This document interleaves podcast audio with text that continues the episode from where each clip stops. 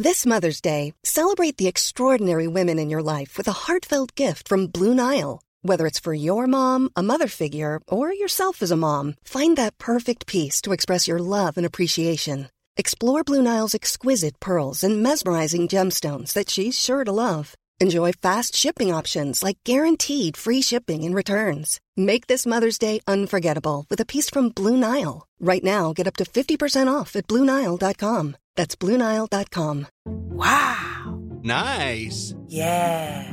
What you're hearing are the sounds of people everywhere putting on Bombas socks, underwear, and t-shirts made from absurdly soft materials that feel like plush clouds. Yeah, that plush.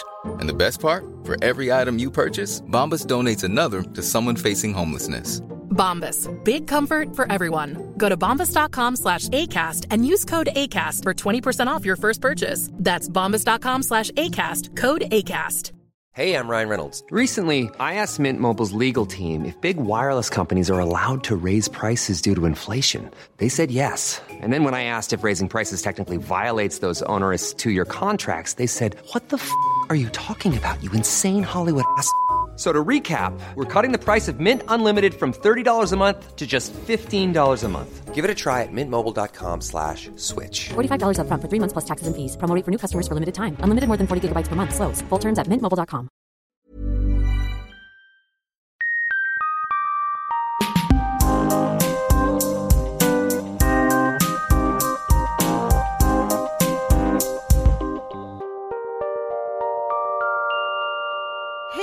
allihopa och varmt välkomna till avsnitt 295 av Ångestpodden. Hej! Hej Ida! Hej Sofie! Tack allihop för all fin respons om höstavsnittet. Ja, det känns som att det är många som har som tradition att även lyssna på ett avsnitt, inte Ah. bara vi som liksom säger, ja men vi måste göra det här avsnittet för att få den där lilla skjutsen in i hösten. Nej. Utan det blir även en skjuts för alla som har lyssnat på Ångestpodden. Det Ja, är men fint det var- som fan. Det var så jävla fint att så många bara säger jag skrattade så mycket, alltså så här, när man kan skänka ett skratt. Det är härligt, det älskar jag att göra. Ja, när man får göra det. Skulle jag blivit komiker? Jag har skrivit upp en grej, nu frågar inte jag hur du mår. Nej, det behöver du inte. Ska vi hoppa över hur vi mår idag, både du och jag? Ja, det Ja. gör vi, ja. Och ska jag bara skriva, eller läsa en sak som jag har skrivit på mina anteckningar. Aha. Jag har skrivit så här. Ibland ignorerar jag människorna jag är på stan även fast jag känner dem. Ja. Vem fan gör inte det? Ja man gör det. Ja, det Okej, gör man. För jag får ju alltid en så enorm skam efteråt när jag bara såhär, varför går jag här och låtsas leta i någon slags låda efter Men något? det är ju för att man inte pallar prata Visst alltid. är det det. Kallprat är ju det värsta som finns. Ja, för sen ibland om någon, om jag träffar någon som jag är så här bekant med och den bara hej Ida, då blir jag ju själaglad. Mm. Däremot kan jag, och det här är ju, jag menar inte att jag är unik på något sätt för så här tror jag att många kan Mm. tänka också.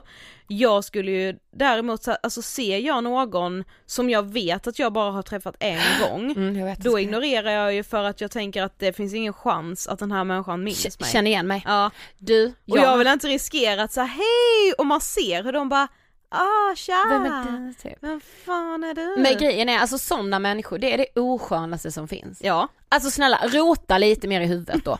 Efter, alltså så här, plocka bort din ansiktsblindhet Ja, nej men, är. nej men så här, ja men okej vissa är ansiktsblinda men det Ja. kan man, det kan inte halva befolkningen vara. Nej. Jag tycker många tillskriver sig Nej det. men och vadå, det är väl, hur många gånger har du gått fram och hälsat på någon som inte har kommit ihåg det? Det handlar väl om att det Ja, ligger är- väl någonting, en jätteosäkerhet i mig och att jag tänker att ingen någonsin kommer ihåg mig om jag Precis. hälsar på dem. Det är ju Så är det liksom, för mig med. Ja, Men, men just det här, att jag ibland kan säga, även om jag säger jag har lite tid över, jag kan säga hej hej, så gör men jag ibland inte det. inte.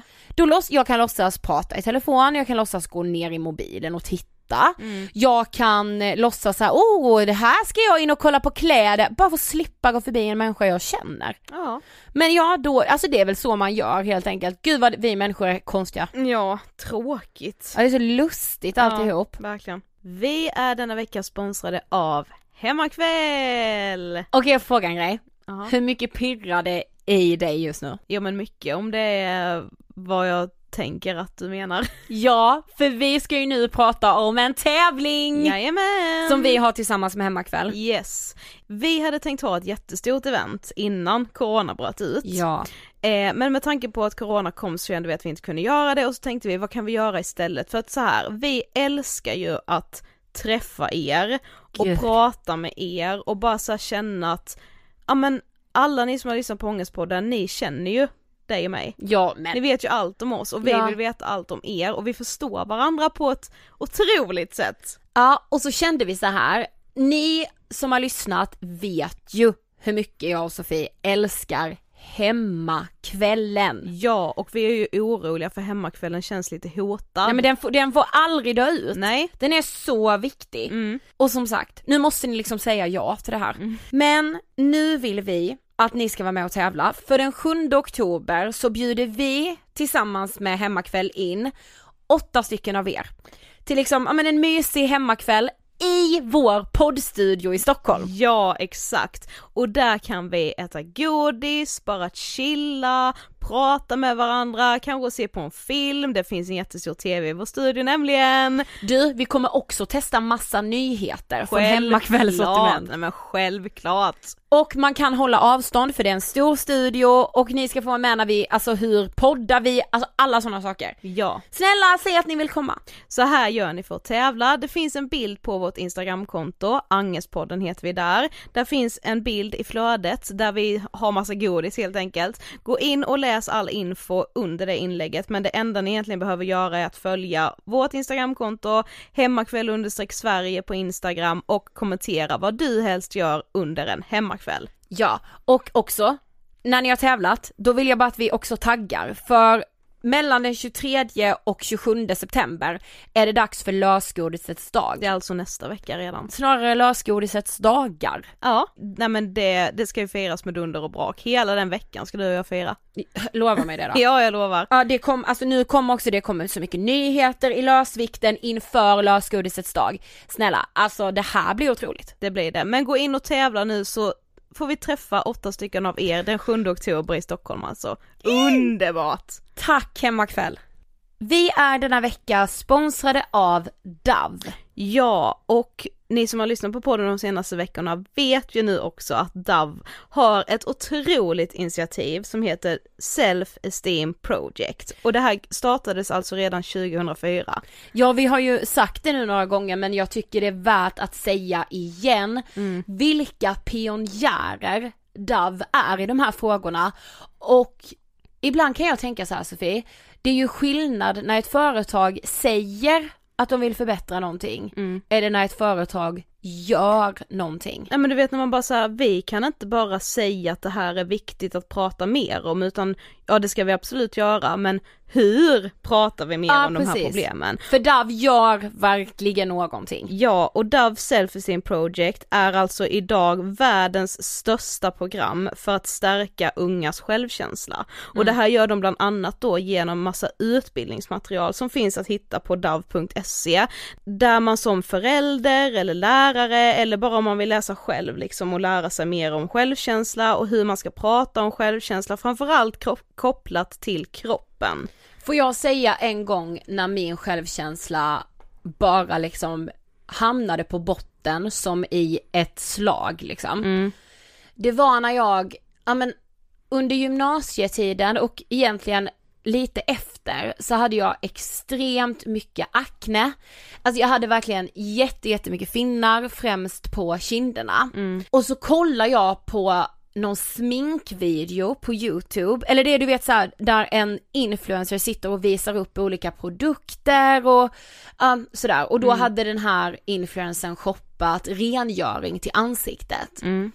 Och så säger hon så här i den här eh, videon att ja men det är väldigt viktigt att man rengör, eh, på, eh, alltså att man rengör hela huden för, eh, så man inte får eh, finnar eller så, för det vill man ju inte ha.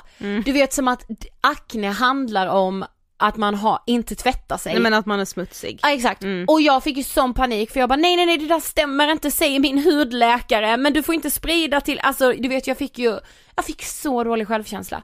För jag tänkte nu går folk runt och tänker om mig att jag inte tvättar mitt ansikte. Ja och inte nog med att man är rädd att folk ska tänka just det, det är ju exakt den känslan man har också när man Mm. kollar sig själv i spegeln och känner sig typ oren trots att man har tvättat, tvättat, tvättat och liksom gjort allt för att bara bli av med finnarna. Jag har ju också haft jättemycket akne så jag vet vad du pratar om. Ja, men visste du att åtta av tio tjejer känner en så stor oro över sitt utseende att de väljer bort viktiga aktiviteter?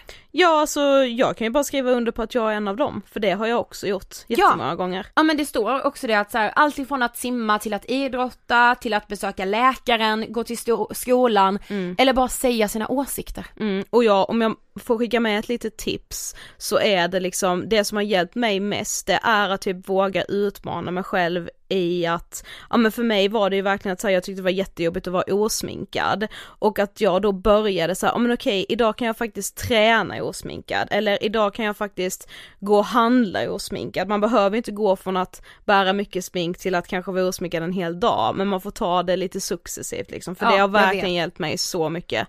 Jag vill tillsammans med Dove, Sofie, att nästa generation ska känna sig, ja men tillfredsställda med sitt utseende under hela sin uppväxt, att, att vi på något sätt kan hjälpa unga människor att stärka sin självkänsla och inse sin fulla potential liksom. Ja men så här, ett unikt utseende ska ju vara grunden till en god självkänsla och det inte är tvärtom. så sant. Tack för det här, Dove.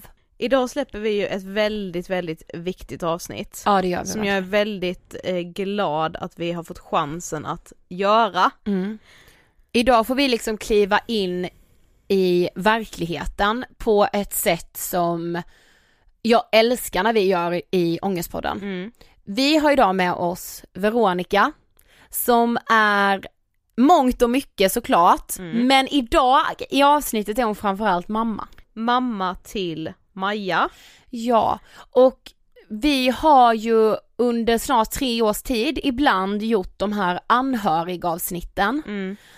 Eh, och nu blev det dags att göra ett ur föräldraperspektivet Mm. och vi vet att många, många, många har önskat det här. Mm.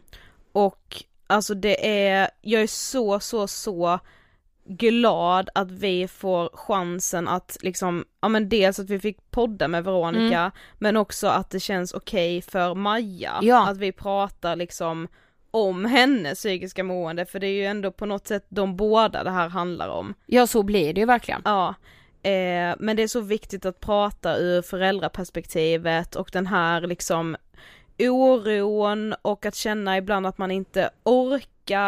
Och sen en enorm maktlöshet. Ja, verkligen. Ja, det är så viktigt. Vi rullar intervjun med Veronica. Varsågoda! Hej Veronica och varmt välkommen till Ångestpodden! Tackar! Det är så fint att du är här. Alltså jag är verkligen så himla glad över det. Att vi ska liksom få ta föräldraperspektivet idag. Men du ska få berätta, vem är du? Veronica heter jag, jag är 41 år, trebarnsmamma och mamma till en dotter som bor på ett HVB-hem. Som är, hon är 18 idag. Men vad tänker du på när du hör ordet ångest? Det är så himla stort. Det är så okonkret och så starkt. Ehm, svårt att beskriva. Men som sagt så ska vi idag prata om att vara förälder och i ditt fall då mamma. Eh, till någon som mår väldigt dåligt. Men kan inte du först bara berätta om din dotter Maja? Alltså så här, vem är hon? Vem är Maja? Maja är som sagt 18. ehm, en tjej med eh, många olika diagnoser. Hon har ADHD, autism, ehm, borderline, PTSD med mera. Ehm, hon är en väldigt glad tjej utåt. Ingen som riktigt har förstått hur illa hon har mått. Ehm, hon är otroligt smart. Eh, lite för smart för sitt eget bästa skulle jag vilja säga. Eh, men eh, en god och glad tjej Ja. utåt. Eh, det finns också den här mörka sidan när hon har mycket ångest. Självskadebeteende. Mycket destruktivt mot sig själv. Men Kan du beskriva Maja som liten, alltså hur var hon som barn? För ni märkte ju ganska tidigt att hon var väldigt aktiv. Mm. Jag tror att hon var ett och ett halvt första gången jag hade kontakt med psykolog för att hjälpa Maja att hitta lugnet. Mm. Eh, för det var liksom full fart från sex på morgonen till sju på kvällen. Och även nattetid. Eh, Utan så här sovpauser liksom. Ja, hon kunde ju sova middag absolut. Men eh, de var inte så långa de eh, vilopauserna. Mm. Men det var liksom ute i... Eh, man fick ju vara ute i parken liksom redan åtta på morgonen. Fram till lunch, in och äta lunch, försöka vila, ut igen. Pyssla, måla, bygga. Så liksom med henne hela tiden. Och jag förstod ganska tidigt att hon hade ADHD. Eftersom jag Ah. själv har det. Ah, okej. Eh, Ah. Så att eh, ja, men jag försökte väl styra henne liksom redan som liten att eh, jag var väldigt, vad säger man, konsekvent. Mm. Eh, ett starkt minne som jag hade när jag sitter på gården med alla andra mammor och Maja och lillebrorsan som heter Lukas sitter och äter glass och jag säger eh, hoppa inte runt och ät glassen utan sitt ner annars får ni inte äta glass. Och de lyssnar inte så då tar jag glassen och kastar. Inte kan, eller vissa kan tycka att det är elakt men det var mitt sätt för att hantera det här, hela kaoset liksom. Mm. Så eh, man var tvungen att vara väldigt konsekvent och påhittig. Ah. Men ja, för du skrev det till oss också att ni sökte hjälp och redan när Maja var fem år fick hon sin ADHD-diagnos. Ja. Det känns så ovanligt, alltså för ni vet man hör så här folk som får den i vuxen ålder, många som får den väldigt sent. Det pratade de om på nyheterna för bara någon dag Ah. sedan just att kvinnor eller tjejer då får sin ADHD-diagnos alldeles för sent många Mm. gånger. Så det var ju ändå positivt. Ja, men, och det var ju för att jag själv, alltså jag var över 30 när jag fick min diagnos. Ja. Ehm, men jag var ju det där stökiga barnet som inte kunde koncentrera mig i skolan. Jag fick inte den hjälpen jag behövde. Ehm, och det ville inte jag ge Maja. Nej. Så därför var jag ganska tidig med att och försöka få utreda henne. Mm. Så hon var fem när hon fick sin diagnos. Ja.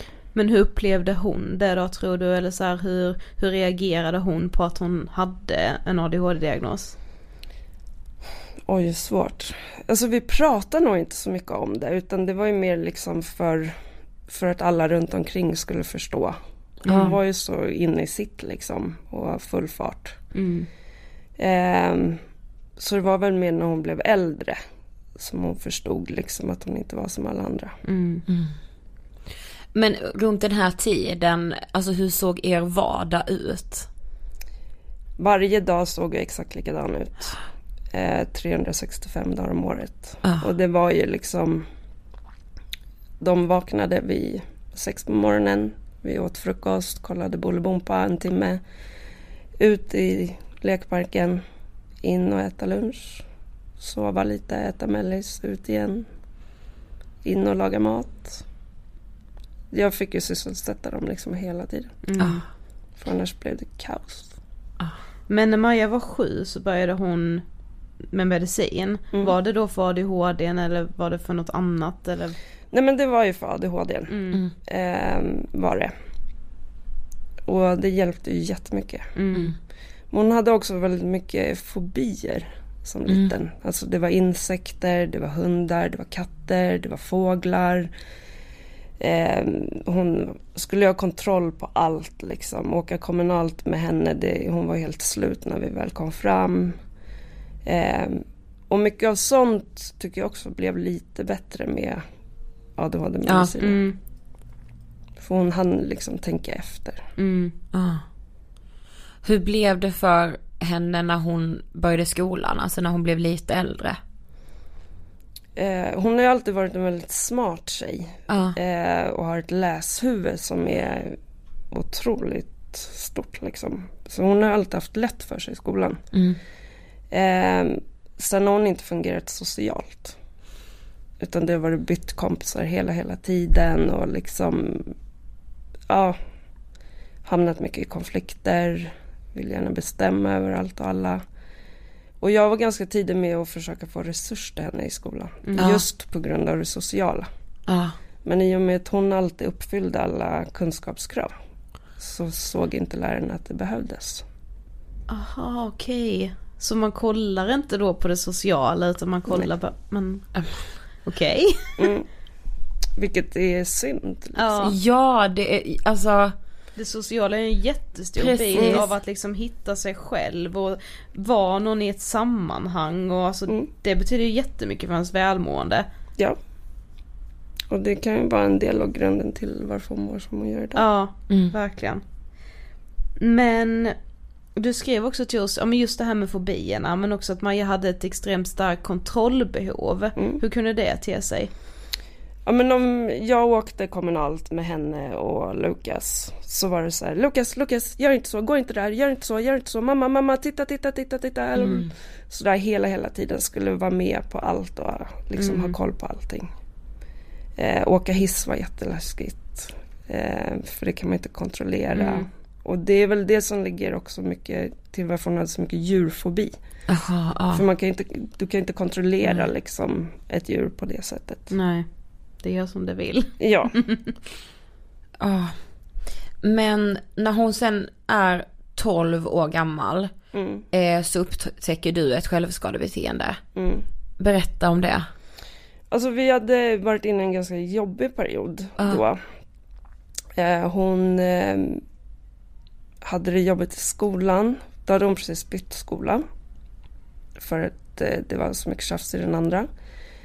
Och eh, hon eh, rymde hemifrån vid ett tillfälle. Så jag fick hämta henne på Arlanda polisen 24 timmar senare. Ehm, och eh, ja, men det var rörigt i skolan liksom. Hon eh, kom liksom inte till skott med någonting och sådär. Vid det tillfället var jag själv sjukskriven så då var jag med henne i skolan.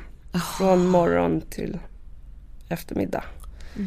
Också för att visa skolan att hon behöver ha någon som får ner henne Mm. liksom, och får henne till att göra det hon ska göra. Och det ser ju skolan att det är en ganska stor skillnad. Så att de lovar oss att hon ska ha en resurs efter julavslutningen var det då, precis, eller efter jullovet. Men när hon kommer tillbaka efter jullovet då har, finns det ingen resurs.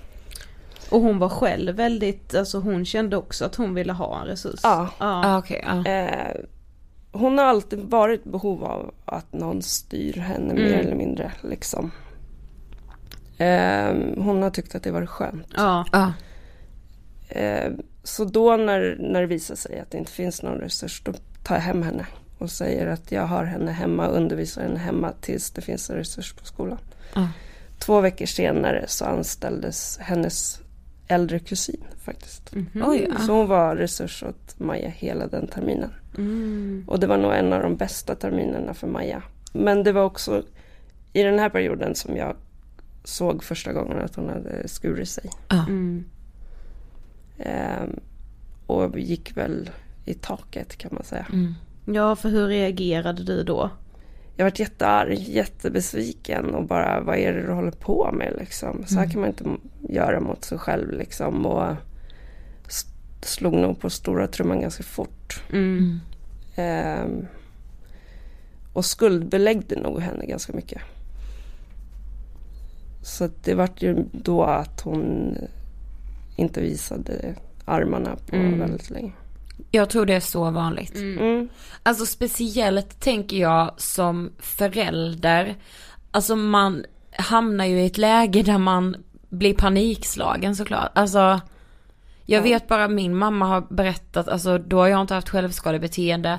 Men alltså bara när jag liksom fick panikångest och hon bara, jag blev, kunde ju bli frustrerad i att så här, men nej nu kan du inte vara med på det heller, var liksom Du kan ju inte tänka så. Exakt.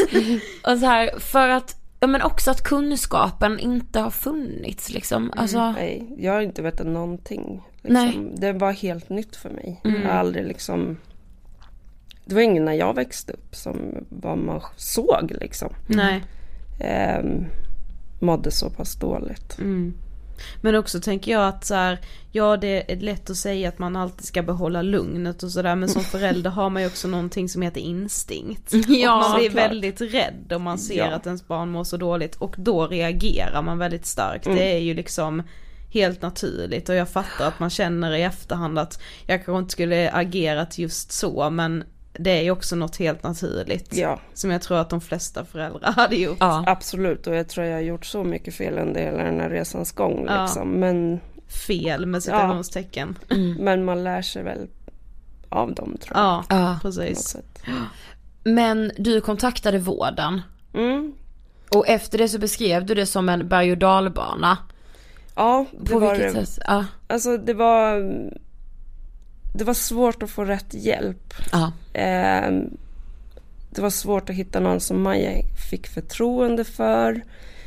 Eh, för hon fick träffa en psykolog där och redan första gången så sa hon jag tänker inte gå hit. Jag vill inte åka. Och det var, då var det också en sån här, jag ville att hon skulle gå, åka iväg och få prata och hon tyckte inte alls att det kändes bra så att då sa hon att hon åkte dit fast hon inte gjorde det.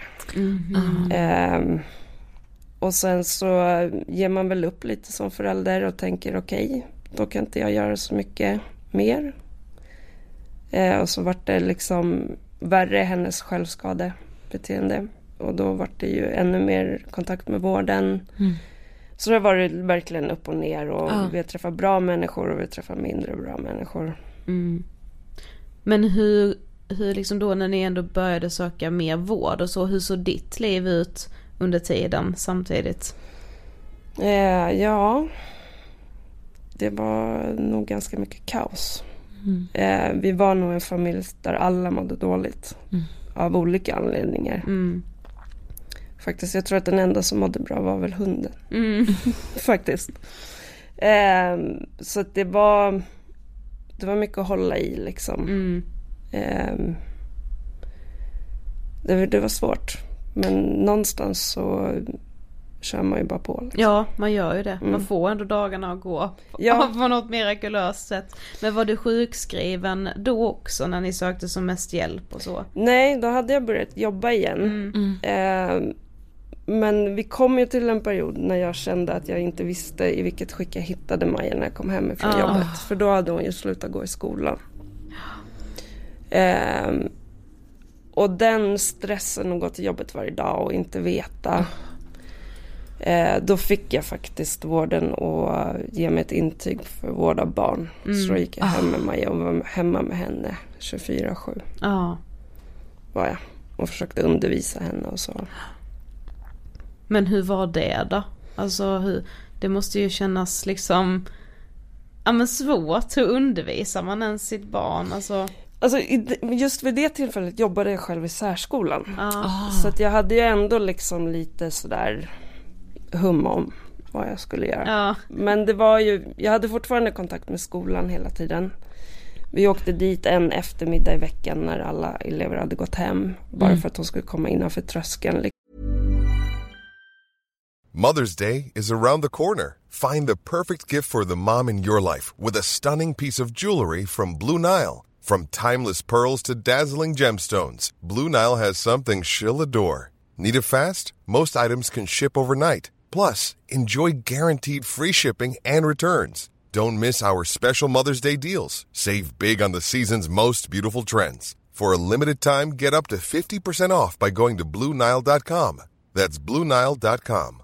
I'm Sandra, and I'm just the professional your small business was looking for. But you didn't hire me because you didn't use LinkedIn jobs. LinkedIn has professionals you can't find anywhere else, including those who aren't actively looking for a new job but might be open to the perfect role, like me.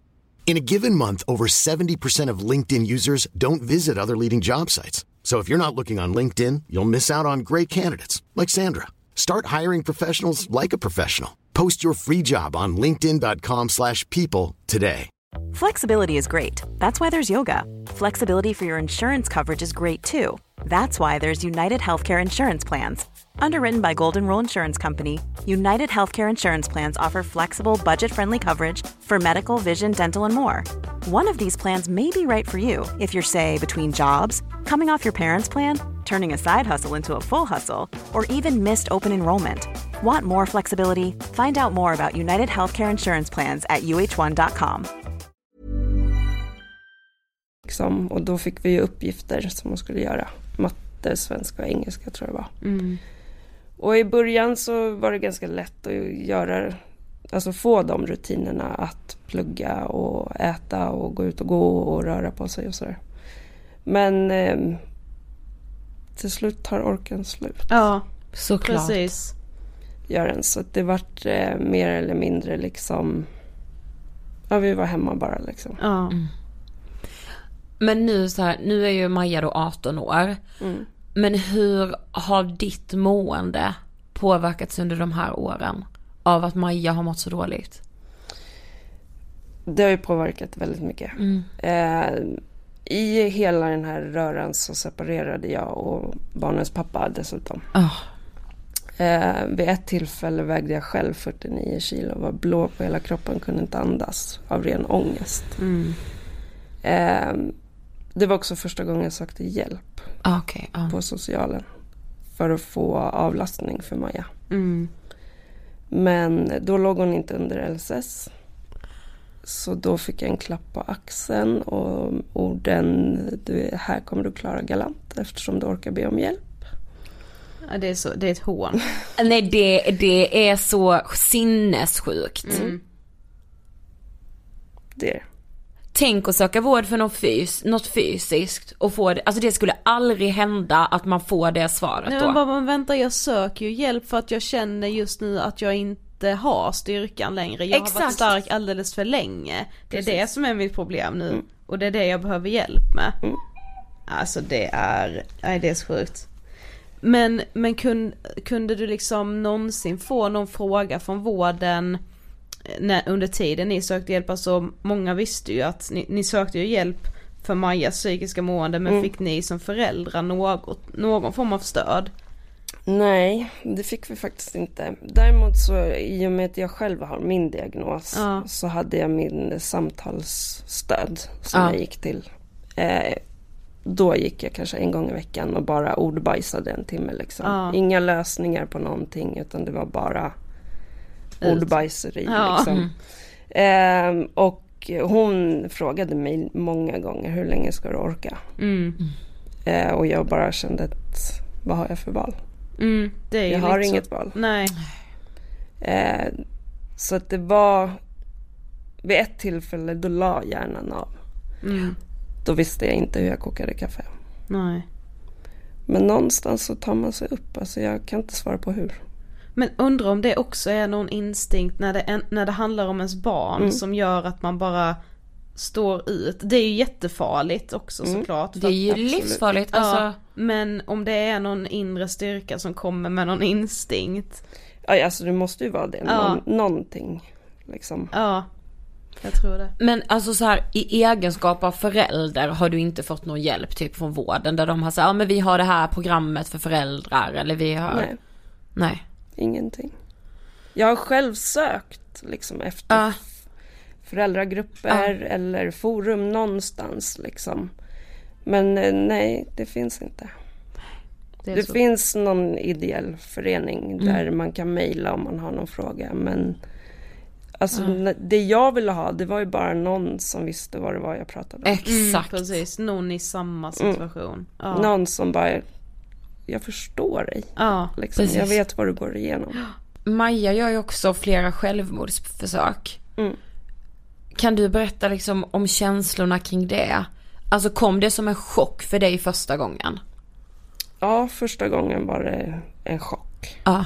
Ehm, då hade hon tagit massa tabletter. Ehm, och då fick vi åka in till akuten. Och så fick hon ligga på intensiven ett tag. Alltså hon hade inte tagit så pass mycket så att det var liksom ingen fara för livet. Men däremot så är det organ och det som kan skadas. Ehm, och det var ju också sådär liksom jag vet inte om det var ett riktigt självmordsförsök. För hon stoppade i sig alla tabletter och sen kommer hon till mig och säger att "Ah, jag har tagit massa tabletter. Eh, om det var ett rop på hjälp mest kanske. Mm. Eh, men det var också där mötte vi en läkare som inte hade så mycket erfarenhet av det här. Så han fick henne att lova att inte göra om det. I stort sett. Mm. Det var det han sa, att gör inte om det här. Nej, säger hon. Så. Mm. Ja. Ja. Men, men går det på något sätt att sätta ord på känslorna kring det? Alltså känslorna kring att, ja men som du sa att när du jobbade och inte visste i vilket skick du skulle hitta Maja när du kom hem eller att inte veta att så här kommer vi alla att gå och lägga oss ikväll igen eller kommer det ha hänt någonting? Alltså hur, hur står man ut med den oron? Ja, hur gör man det? Ja eller visst, man har väl inget val å andra Nej, sidan? det har man inte. Och, alltså jag vet att de här gångerna som när det har varit mest panik, liksom, Mm. när det har varit mycket det har varit tabletter. Jag har även sprungit med henne på tågspåret Mm. där hon ska hoppa liksom. Jag stänger av. Mm. Alltså det finns inga känslor. Jag vet att många som har träffat mig där och då kanske tycker att jag är ganska likgiltig. Men jag tror att det är ett sätt för att, för att orka. Ja, att hantera dem. Ja. För det är så mycket känslor så att man typ stänger av. Ja, alltså det, man är ju både arg, ledsen, förtvivlad, Mm. orolig, eh, rädd Mm. framför allt. Ehm, nej men det är så mycket känslor så att det går inte att hantera. Nej, det blir lite typ att man blir paralyserad Ja. kan jag tänka mig. Ja men alltså det, det man stänger av. Du, Ja. du, du känner ingenting Nej. där och då. Sen kommer det några dagar senare och då faller man ju ihop liksom. Mm. Men i december eh, 2019 Mm. så berättar Maja att hon mår väldigt, väldigt dåligt. Mm. Och då tar du beslut om att köra henne till BUP-akuten. Yes. Vad är det som får dig alltså, så här att bestämma att ah, men nu kör vi till BUP-akuten? Det, är ju- det är just den gången. Först hade vi varit inne och sytt. Ja. Eh, för hon hade ju skurit sig på benen ganska djupt. Eh, och när vi har varit och sytt så säger hon det att jag mår jätte, jättedåligt. Jag har planer på att skada mig själv. Jag litar inte på mig själv längre och, och sådana saker. Och jag bara kände att då åker vi. Mm. Eh, du behöver ha hjälp. Mm. Så då åkte vi in till BUP-akuten. Men har hon alltid varit så transparent mot dig? Eller har ni alltid haft en transparent relation att hon har kunnat säga nu är det riktigt piss liksom? Ja, Mm. eh, mer eller mindre. Eh, hon har ju bara självskadat när hon har varit hos mig. Mm. Hon har aldrig gjort det hos, no- alltså hos sin pappa till exempel. Vilket jag ifrågasätter många gånger. Mm. För att eh, till slut kände jag att det var, vart personligt. Eh, men där hon menar på att med mig är hon trygg. Hon Mm. vet att jag finns. Jag kommer inte försvinna även om hon gör illa sig själv. Så um, vi har alltid haft den kommunikationen mer eller mindre. Mm. Men vad händer då när ni kommer till BUP-akuten? Eh, först blev vi inlagda på BUP-akuten på själva akutenheten en natt. Mm. Eh, för de anser att hon behöver vara under uppsyn liksom. Eh, dagen efter under ett läkarsamtal så beslutas det att hon ska läggas in på en av avdelningarna. Eh, och det var tanken att vi skulle vara där över helgen bara. För då var man tvungen att vara med som förälder. Det var också första gången hon varit inlagd. Mm. Så. Okej, ja. Eh, vilket var en helt ny eh, upplevelse. Såklart. För det var ju, ja, det var instängt kan Mm. man säga. Ja. Men vad var era känslor kring det då? Alltså dels Majas känslor kring det men också dina. Att bli inlagd liksom. Alltså man åker bara med liksom. Mm. Det finns inte så mycket känslor tror jag. Mm. Ehm, fast jag började känna där och då att jag, jag kan inte ge Maja mer. Jag har gjort allting jag har kunnat. Mm. Och jag kände att jag mer stjälpte henne än hjälpte henne liksom. Mm. I och med att jag är hennes mamma. Så håller jag ju tillbaka henne hela tiden. Och det var väl en jättejobbig känsla. Mm. Ja, För ni blev kvar på den akutmottagningen, eller på den mottagningen i fem veckor va? Över jul och nyår. Mm. Och sen så beskrev du till oss att du tar ett beslut som nog är det jobbigaste du har tagit som mamma. Absolut. Mm. Vill du berätta? Eh, nej men det var under ett av de här samtalen med kuratorn på den här avdelningen där jag sa det att jag, jag eh, klarar inte det här längre. Mm. Jag kan inte göra något mer för mitt barn. Eh, lika mycket som jag kände mig misslyckad. Eller det var nog det jag mest kände att jag var misslyckad. För att jag, eh, jag visste inte hur jag skulle orka något mer liksom. Mm. Så har jag i efterhand förstått att det är det bästa jag har kunnat göra för henne. Ja. För att hon behöver ha mer hjälp än vad jag kan ge. Men vad skulle det då, vad innebar det liksom när du sa så? Att någon annan skulle ta hand om henne eller vad, vad skulle hända liksom? Eh, nej men eh, jag sa det att hon behöver komma till någon annan. Mm. Eller liksom, alltså, då visste jag inte ens vad ett HVB-hem var Nej. överhuvudtaget. Nej för det vet man ju inte. Alltså, Nej. Nej man har ju ingen aning om Nej. det. Man har Nej. aldrig hört det innan. Nej. Nej, och har jag någon gång hört det så har jag kanske reflekterat till några kriminella ungdomar. Ja, Typ. precis. Ehm, och det var väl där tanken på HVB-hem Mm. kom liksom. Och den här kuratorn tog mina ord väldigt eh, allvar, eller inte allvarligt men hon tog dem verkligen på allvar. Mm. Ja. Och sa att jag ser att du har kämpat länge och det här ska vi fixa. Mm. Och då fick jag också sitta och prata med socialtjänsten och säga det att jag kan inte ta hem mitt barn. Mm. Det går inte längre. Mm. Men hade du sagt det till Maja innan du sa det till dem? Nej. Men hur var det då att berätta det för henne? Jättejobbigt. Ja. Ehm, I och med att jag fortfarande också kände mig väldigt misslyckad. Så försökte jag ändå få henne att förstå varför. Mm. Och hon var ändå positiv till det hela. Ja. För hon, jag tror hon också kände att vi, alltså vi hade ju levt i en symbios som inte var, Exakt. var liksom bra på något sätt. Jag kände själv att jag började tänka liksom som en 17-åring igen och ja men sådär. Vi var också i en, i en situation där man liksom går varandra på nerverna. Liksom. Så att hon, nej men hon kände sig ändå positiv till det samtidigt som hon i efterhand har sagt det, vad hade hon för val? Ja. Jag menar, säger jag att jag inte kan ta hem henne så eh, kan inte hon sträta emot liksom. Nej.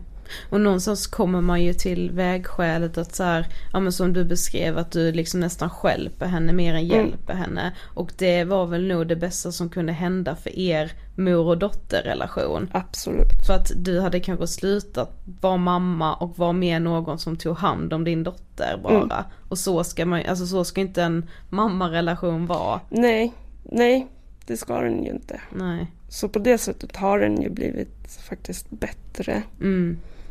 Ehm, för vi har ju inte de här konflikterna längre. Nej. Som man har som mamma och dotter. Mm.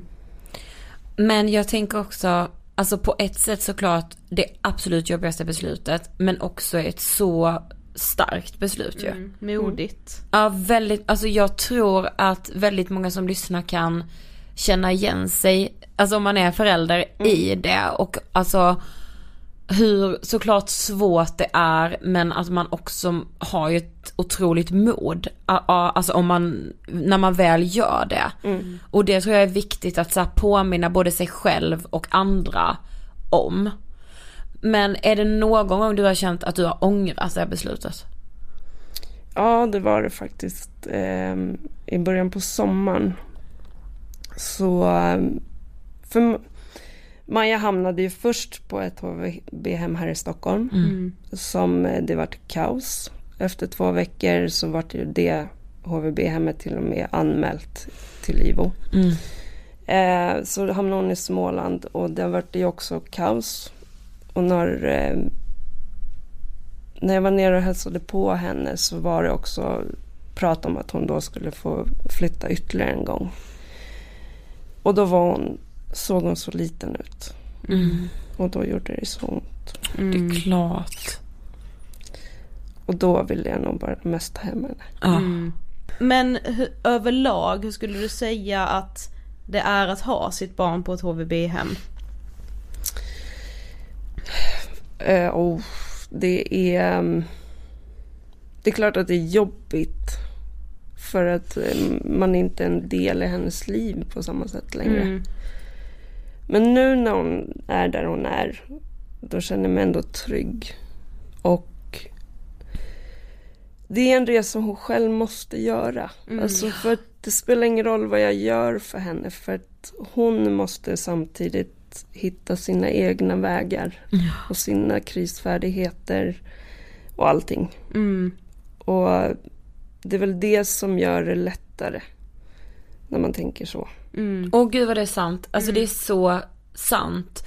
Alltså jag tänker för alla som är anhöriga, alltså förälder såklart men också som kanske partner eller syskon eller nära vän. Att så här personen måste hitta sina egna vägar. Det Mm. kan man liksom inte göra åt den. Även om man önskar och vill så kan man ju faktiskt inte. Det där är så viktigt. Och- Och det är ju det som är det jobbiga och det svåra med att vara anhörig. Ja, ja. Att man inte, det finns ingen magisk knapp eller ett redskap som man kan servera som blir allting bra. Nej, och jag menar det är ju så, helst vill man ju säga det men ryck upp dig. Mm. Liksom. Men jag har ju förstått att det inte funkar. Nej. Ehm, eller det är väl typ det värsta man kan säga.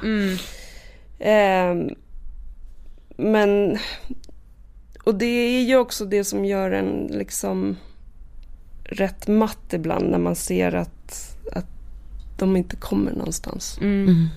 För att de kanske inte alltid vill heller. För de orkar inte Mm. faktiskt. Men alltså nu då när Maja bor på ett HVB-hem så här, känner du dig alltså lugn i det eller lever du liksom varje dag med en, alltså, en rädsla, en oro, alltså är du liksom spänd kring det eller kan, känner du att du kan slappna av ibland? Eh, både och. Mm. Eh, jag har alltid haft, det är ganska sjukt, men jag har alltid haft en känsla när det börjar kaosa sig runt Maja på något sätt. Så jag har alltid känt det på mig. Eh, så att jag har oftast kunnat liksom säga typ till en kompis eller någonting att nu känns det som att det är på gång. Eh, och får jag en sån känsla och hon är så många mil härifrån då är det jättejobbigt. Eh, för jag hör nästan på Maja när det är på gång liksom. Eh, och då vill man ju helst bara åka dit. Ja det är klart. Eh, eller bara få fram vad det är. Liksom. Men annars så tycker jag ändå att livet rullar på liksom. Mm. Och um, vissa dagar är lättare än andra. Mm. Nu, du nämnde det lite tidigare och, men vi vill ändå ta upp det igen för att vi tyckte det var så bra. Vi tror väldigt många, framförallt föräldrar kan känna igen sig i det men just med att man, att man känner att man längs med vägen gör miljoner fel. Absolut. Men hur tänker du kring de felen idag? Alltså hur hanterar man de misstagen man har gjort? Eh, ja, men jag vet framförallt en gång och det var under tiden Maja gick på DBT. Mm. Eh, där vi liksom gick en föräldragrupp och fick lära oss massa saker och hur vi skulle validera och validera och validera. Och till slut står det där uppe i halsen. För att man validerar så mycket så att man, man blir ju medberoende. Mm. Ehm, och vid ett tillfälle så var jag så trött på hela alltet. Så jag säger till henne att ehm, nu är du färdig. Ska du fortsätta hålla på självskada så är min dörr där. Alltså det är ju så tvärt emot DBT så det finns inte. Mm. Men det var bara så här, jag orkade inget mer. Och har du då ett barn som dricker eller som knarkar, då är det helt humant att säga en sån sak. Du kommer inte hem Ja, påverkad. Ja. Men du kan inte säga till ett barn som mår dåligt att du kommer inte hem om du mår dåligt. Nej, precis. Så det blev ju liksom dubbelfel i Ja. allting. Ehm, Men jag kände att jag orkade inte mer. Och um, det i efterhand så var det ändå ganska skönt att bara få, så här känner jag. Ja, Mm. precis. Ja. För det är så viktigt att man inte glömmer bort sig själv i Nej. allt detta och att också, jag tror så bra att du tog just det som ett exempel för att så här, jag tror det finns, kanske, man tror att det ska finnas så mycket skam i att känna att jag pallar fan Mm. inte ta hand om dig just Nej. nu, jag Mm. måste tänka på mig själv. Men det är liksom, alla känner så Ah, någon mm, gång som är anhörig. Absolut. Det är jättesvårt att undvika de känslorna. Mm. Sen kanske man inte agerar på dem, men man måste ju få känna så. Precis. Ja, det är så viktigt. Ehm, nej men det var säkert jättejobbigt för Maja att få höra, Mm. såklart. För det ger ju henne ännu mer ångest. Mm, För nu helt plötsligt får hon ju reda på att vi mår dåligt. mm. Ehm, men jag tror också att det är viktigt. Ja. För då är det liksom, i en familj så är man ju flera stycken. Mm. Alla blir påverkade, Mm, mer eller mindre. Verkligen. Om du liksom nu tänker tillbaka på liksom tiden från att ni kom in i vården liksom med Maja. Vad tänker du att du som förälder hade behövt för stöd? Jag hade behövt veta att det fanns andra föräldrar i samma situation. Mm. Och ehm, få prata om det. För man vågar inte riktigt det. Och skulle man göra det någon gång så då får man mest liksom folk som tittar på en och tycker synd om en. Och det, det var inte det jag behövde. Nej. För det var inte mig det var synd om. Ehm, men framförallt att bara få ventilera Mm. med andra. Men vad skulle du vilja säga till andra föräldrar som lyssnar som kanske har ett barn som, ja, som var, som är i den sitsen som du var när ni var inlagda där i fem veckor och du behövde ta det jobbiga beslutet? Att man är inte en misslyckad förälder Mm. om man tar ett sådant beslut jag gjorde. Mm, Utan det är... Vi är bara människor mm, och vi orkar bara en viss del. Mm. Och det... Det var samtidigt ett osjälviskt beslut. För det var Ja. för Majas skull. mm. Åh gud det är så viktigt. Ja det är det. Alltså det är verkligen så sant, det är så viktigt och också så här, nej vet ni, det är ett starkt beslut. Ja, starkt och modigt. Ja. Mm. Okej, vi har kommit till sista frågan. Alltså Veronica, vilket avsnitt. Men nu ska du bara få en fråga liksom, om livet i stort, vad inspirerar dig? Mina barn. Ja. Mm. Det är nog de jag kämpar för varje Ja. dag. Och de fina människorna jag har runt omkring mig. Mm. Tack så jättemycket för att du ville gästa Ångestpodden. Så jävla nu svär jag, viktigt. Och, nu, och nu, nu kommer vi berätta mer efter avsnittet här om föräldragruppen som ska Ja. startas. Ja. Tack. Jag vet inte hur mycket tack vi ska säga till både Veronica och Maja för det här avsnittet men tusen tusen tack Veronica för att du ville komma och gästa Ångestpodden. Ja, jag är så tacksam Mm. och glad för det. Jag blev så rörd och jag vill liksom, jag vill bara krama er så länge. Ja men och jag tror det är så sjukt viktigt att även om man som förälder ju, det sista man vill göra och det sista man gör är ju liksom att ge upp för sitt barn. Mm. Men det är så viktigt att få säga att just idag har jag ingen styrka att hjälpa mitt barn. Nej. Eller så här, att vara jättetrött, att känna sig så utsliten i både kroppen och själen att det känns som att man inte orkar liksom. Jag tänker också att man ger ju inte upp Nej. utan man visar sig ju bara ännu starkare. Verkligen, verkligen, verkligen så. Och när Veronica säger det med vad hon vill säga till andra föräldrar att så här, du är inte en dålig förälder. Nej. Alltså jag tror att många behöver höra det. Mm. Och som ni hörde i avsnittet så har vi bestämt oss för att starta en föräldragrupp.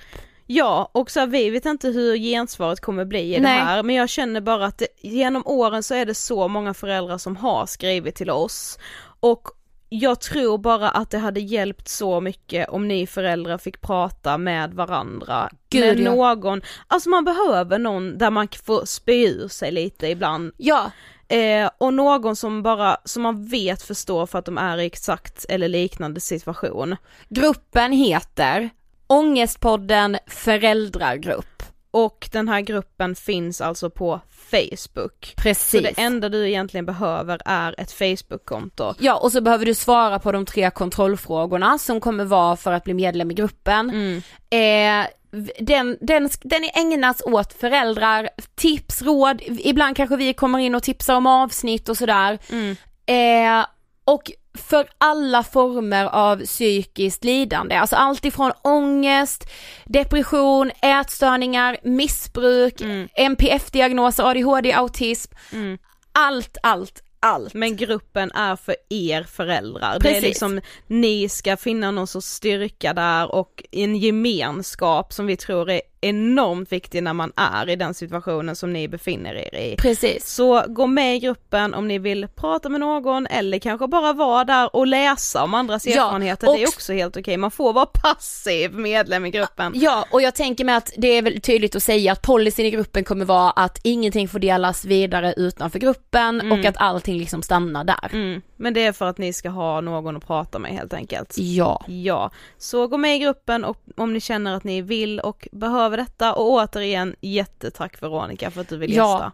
Och tipsa era föräldrar, herregud. Eller om ni liksom jobbar med någon, någon arbetskamrat, någon vän Mm. som är förälder och i liksom en jobbig anhörigsituation. Tipsa om den här gruppen. Ja. Och för er som lyssnar på Ångestpodden, man kan, är man förälder kan man vara med i båda grupperna, herregud. Ja, Då har vi Ångestpodden, vi pratar vidare. Yes, och på Instagram heter vi Angespodden. Det här blev så fint. Ja, och viktigt. Ja. Vi hörs ju som vanligt nästa torsdag igen. Givetvis gör vi det. Ha det bäst tills dess. Puss puss. Hej då! Hej.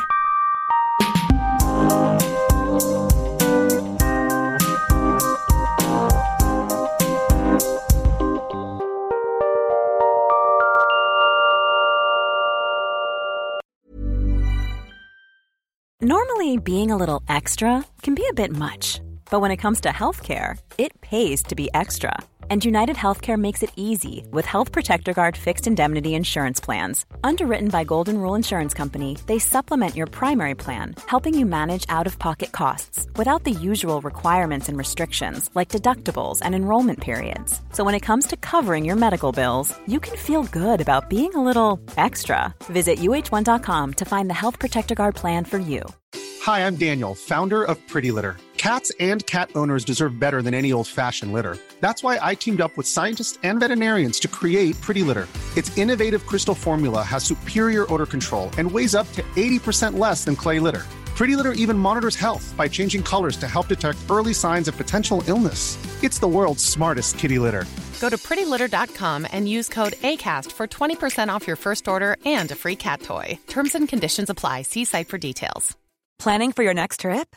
Elevate your travel style with Quince. Quince has all the jet setting essentials you'll want for your next getaway, like European linen, premium luggage options, buttery soft Italian leather bags, and so much more. And is all priced at 50 to 80% less than similar brands. Plus, Quince only works with factories that use safe and ethical manufacturing practices. Pack your bags with high-quality essentials you'll be wearing for vacations to come with Quince. Go to quince.com slash pack for free shipping and 365-day returns.